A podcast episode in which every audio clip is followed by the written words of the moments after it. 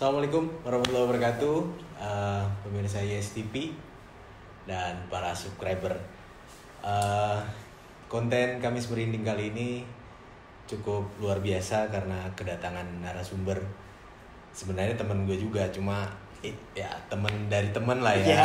Namanya Agung Iya. Agung ya Iya. Eh, Aslinya dari mana? Gue Ternate bang. Ternate Yap. Ke Jakarta? Tujuan gue kuliah sih ya, awalnya. Oh awalnya, Ya. oke awalnya kuliah, Iya. oke. Cerita yang yang sedikit saya dapat itu ceritanya dari itu waktu udah di Jakarta atau masih di Ternate? Masih di Ternate sih, pas waktu kuliah di sana. Oke. Di Ternate itu ada apa aja sih yang serem-serem, yang Oh. buat merinding? Kali yang buat merinding sih banyak sih parah. Ada ada kalau kalau di sana itu sebutannya kayak ada yang mungkin di daerah Indonesia Barat dikenalnya kuyang, Oke. leak, terus eh, ada juga ya Ini jenis-jenisnya maksudnya? iya ya kayak jenis-jenis hantu ya Oke. Jenis-jenis. jenisnya ya gitu. Terus ya yang biasa lah yang kayak kunti-kunti yang Oke. hantu nasionalis lah seluruh Indonesia ada. Terus Di Ternate lengkap. setahu saya sih begitu. Se- setahu saya ya. Yes, tapi- Mohon maaf mungkin kalau saya salah. Hmm. Orang Moro itu mereka suka misalkan kita nih Hmm. ah di waktu tertentu tiba-tiba kita disimpan masuk ke dimensi mereka.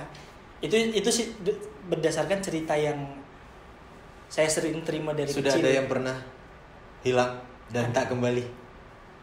Ada yang kembali ada yang tak Oh, kembali. Aduh. Masih terjadi sampai hari ini? Kalau sampai hari ini mungkin saya kurang tahu juga tapi Hah? se- karena mungkin udah lama di sini ya nggak jarang dengar-dengar lagi tapi kalau semasa masih di sana Termasuk ilmu hitam juga yang wah kalau ilmu hitam mah semua semua Indonesia kayaknya percaya deh di Ternate-nya luar biasa nggak? masih sampai sekarang Ah, luar biasa Oke Gung, tahan dulu cerita lu dan penonton ISTP. Episode ini saya dapat cerita lengkap yang membuat merinding dari Agung saat di Ternate. Dan itu saya ceritakan kembali di episode ini di konten Kamis Merinding. Selamat menyaksikan. Salam merinding.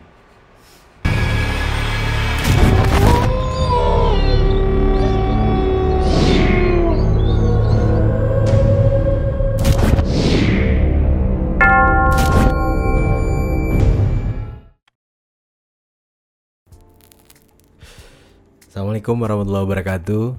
Selamat malam eh, pemirsa Yes TV yang juga penikmat kontennya Kamis Merinding. Terima kasih eh, supportnya, terima kasih. Walaupun baru tiga judul kemarin tapi udah luar biasa yang nonton, yang komen atau bahkan yang sudah mengirimkan cerita-cerita horornya di email dan kita sudah baca, sudah baca semuanya. Ya cerita kalian semua mudah-mudahan bisa saya bacakan. Eh, dua minggu sebelum kita mulai ya, dua minggu kemarin memang kita libur karena uh, merayakan Idul Fitri dan untuk itu juga saya ingin mengucapkan mohon maaf lahir batin. Konten selanjutnya ini cukup uh, sedikit kita berinovasi karena ini juga lahir dari ide-ide teman-teman juga. Kalau uh, sebelumnya itu hanya suara, suara dan backsound backsound, tapi kali ini ada visual saya membacakan cerita. Kemudian selain itu eh, narasumber based on story kita dapat narasumber-narasumber dengan cerita-cerita yang luar biasa, merindingnya. Ada juga beberapa komen yang mereka sudah tidak mau mendengarkan lagi atau melihat lagi walaupun mereka udah subscribe. Karena tiga episode kemarin itu terlalu mengerikan bagi mereka jadi eh, takut. Mudah-mudahan di konten ini teman-teman bisa mendengarkan dengan nyaman. Oke kita masuk ke cerita ya. Ya eh, ini cerita dari Agung asalnya dari Ternate dan saat ini dia di Jakarta ya untuk kuliah S2 ceritanya itu tahun 2012 saat masih di Ternate. Mungkin saat dia kuliah. Nah, saat kuliah itu ceritanya karena jarak kampusnya jauh dari rumah, beda pulau, Tidore, Ternate. Kemudian ayahnya membelikan rumah di dekat kampus dan di situ ia tinggal selama kuliah di sana. Rumahnya itu terletak di kawasan perumahan baru dan masih dikelilingi hutan yang lebat. Dan ia tinggal di jalur tiga dan ternyata hanya rumah Agung yang baru didiami. Yang lainnya kosong. Di depan rumah Agung itu sekitar 50 meter itu berhadapan dengan danau yang cukup besar kata Agung. Dan itu menurut saya juga sudah menyeramkan karena dikelilingi dengan hutan dan berhadapan dengan danau. Cerita di minggu pertama itu, cerita Agung waktu itu, dia masih sangat bisa menyesuaikan. Masih sangat bisa menyesuaikan dengan keadaan karena dia sangat tahu di daerah yang masih gelap, kemudian penerangan jalannya juga masih sangat minim apalagi arah ke komplek rumah. Jadi Agung setiap pulang kampus selalu menjelang sore dia sudah ada di rumah karena pasti kalau udah malam agak gimana gimana gitu. Kemudian di, Agung juga menjelaskan uh, kepercayaan masyarakat di sana juga uh, untuk masalah gangguan-gangguan masih sangat kental ya dengan hal-hal yang gaib. Dan mereka sangat terbiasa dengan gangguan yang apa yang selalu datang dari makhluk-makhluk halus ataupun sejenisnya dan Agung juga termasuk orang yang sangat mengerti. Hampir cerita ini hampir setiap malam. Ini kata Agung hampir setiap malam dengan saudara-saudaranya di sana, ya kan? Uh, jadi Agung itu tinggal di rumah baru itu bersama beberapa saudara dan kebetulan uh, satu tempat kuliah. Jadi bareng lah mereka. Nah cerita mereka itu hampir tiap malam diganggu dengan bunyi-bunyian, dengan panggilan-panggilan suara-suara memanggil begitu. Tapi itu ya menurut Agung itu biasa. Jadi udah dia tidak begitu menghiraukan, udah diabaikan saja. Kemudian setelah satu bulan, nah ini baru ceritanya yang seru. Setelah satu bulan tinggal di komplek baru itu, barulah mereka mulai. Ada gangguan-gangguan yang menurut mereka itu real sekali. Itu itu itu nyata. Dan parahnya itu di siang hari. Tepat pukul 2 siang Agung itu pulang dari kampus. Dan uh, istirahat lah tak lama datang satu saudaranya juga pulang ke rumah jadi mereka tinggal berdua di rumah uh, istirahat di ruang tengah, ngobrol sama main-main handphone. Lalu kemudian tiba-tiba tiba-tiba TV menyala. Tiba-tiba TV menyala. Mereka kaget dan saling bertanya, ini ini, ini siapa yang tapi ya kemudian Agung cukup menghela nafas, oke. Okay. Kemudian dia bergegas mematikan TV. Tapi tak sampai tak sampai di situ ketika TV dimatikan sama Agung, jendela yang tadi mereka buka itu tiba-tiba tertutup dengan keras seperti terhembus angin kencang. Harusnya harusnya itu sudah menjadi pertanda yang luar biasa. Gangguannya menurut saya itu udah udah sangat menyeramkan sekali gitu. karena ya tinggal di rumah di kawasan hutan dan danau pasti gangguannya luar biasa.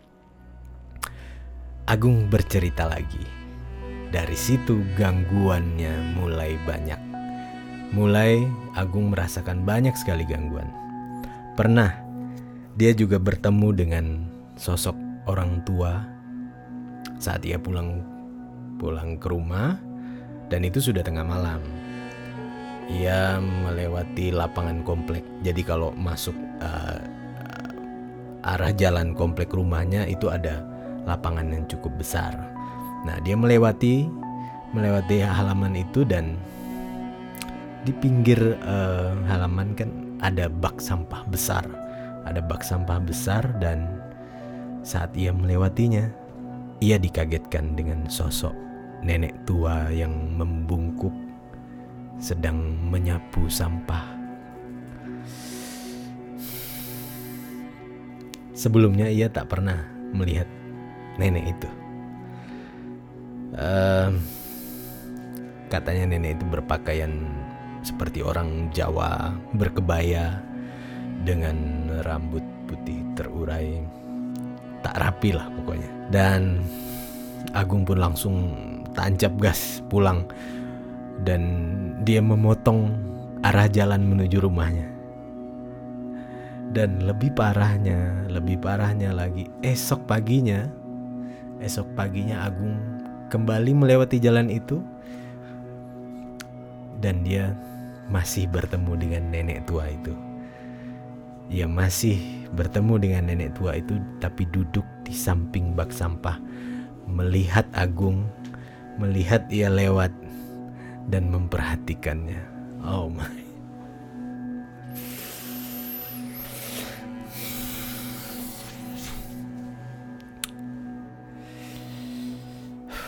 Saya ngerokok dulu deh. Kemudian satu cerita lagi saat Agung ke kampus. Uh, ini ceritanya berbeda tapi ini serem menurutku. Um, saat Agung di kampus, um, ia mau ke UKM uh, dan itu letaknya di lantai tiga.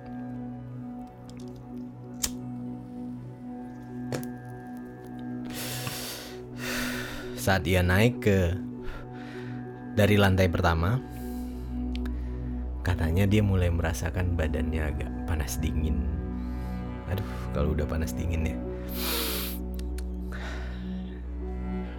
Naik terus beberapa anak tangga, kemudian sampai ke arah lantai dua yang mencium aroma bau sekali.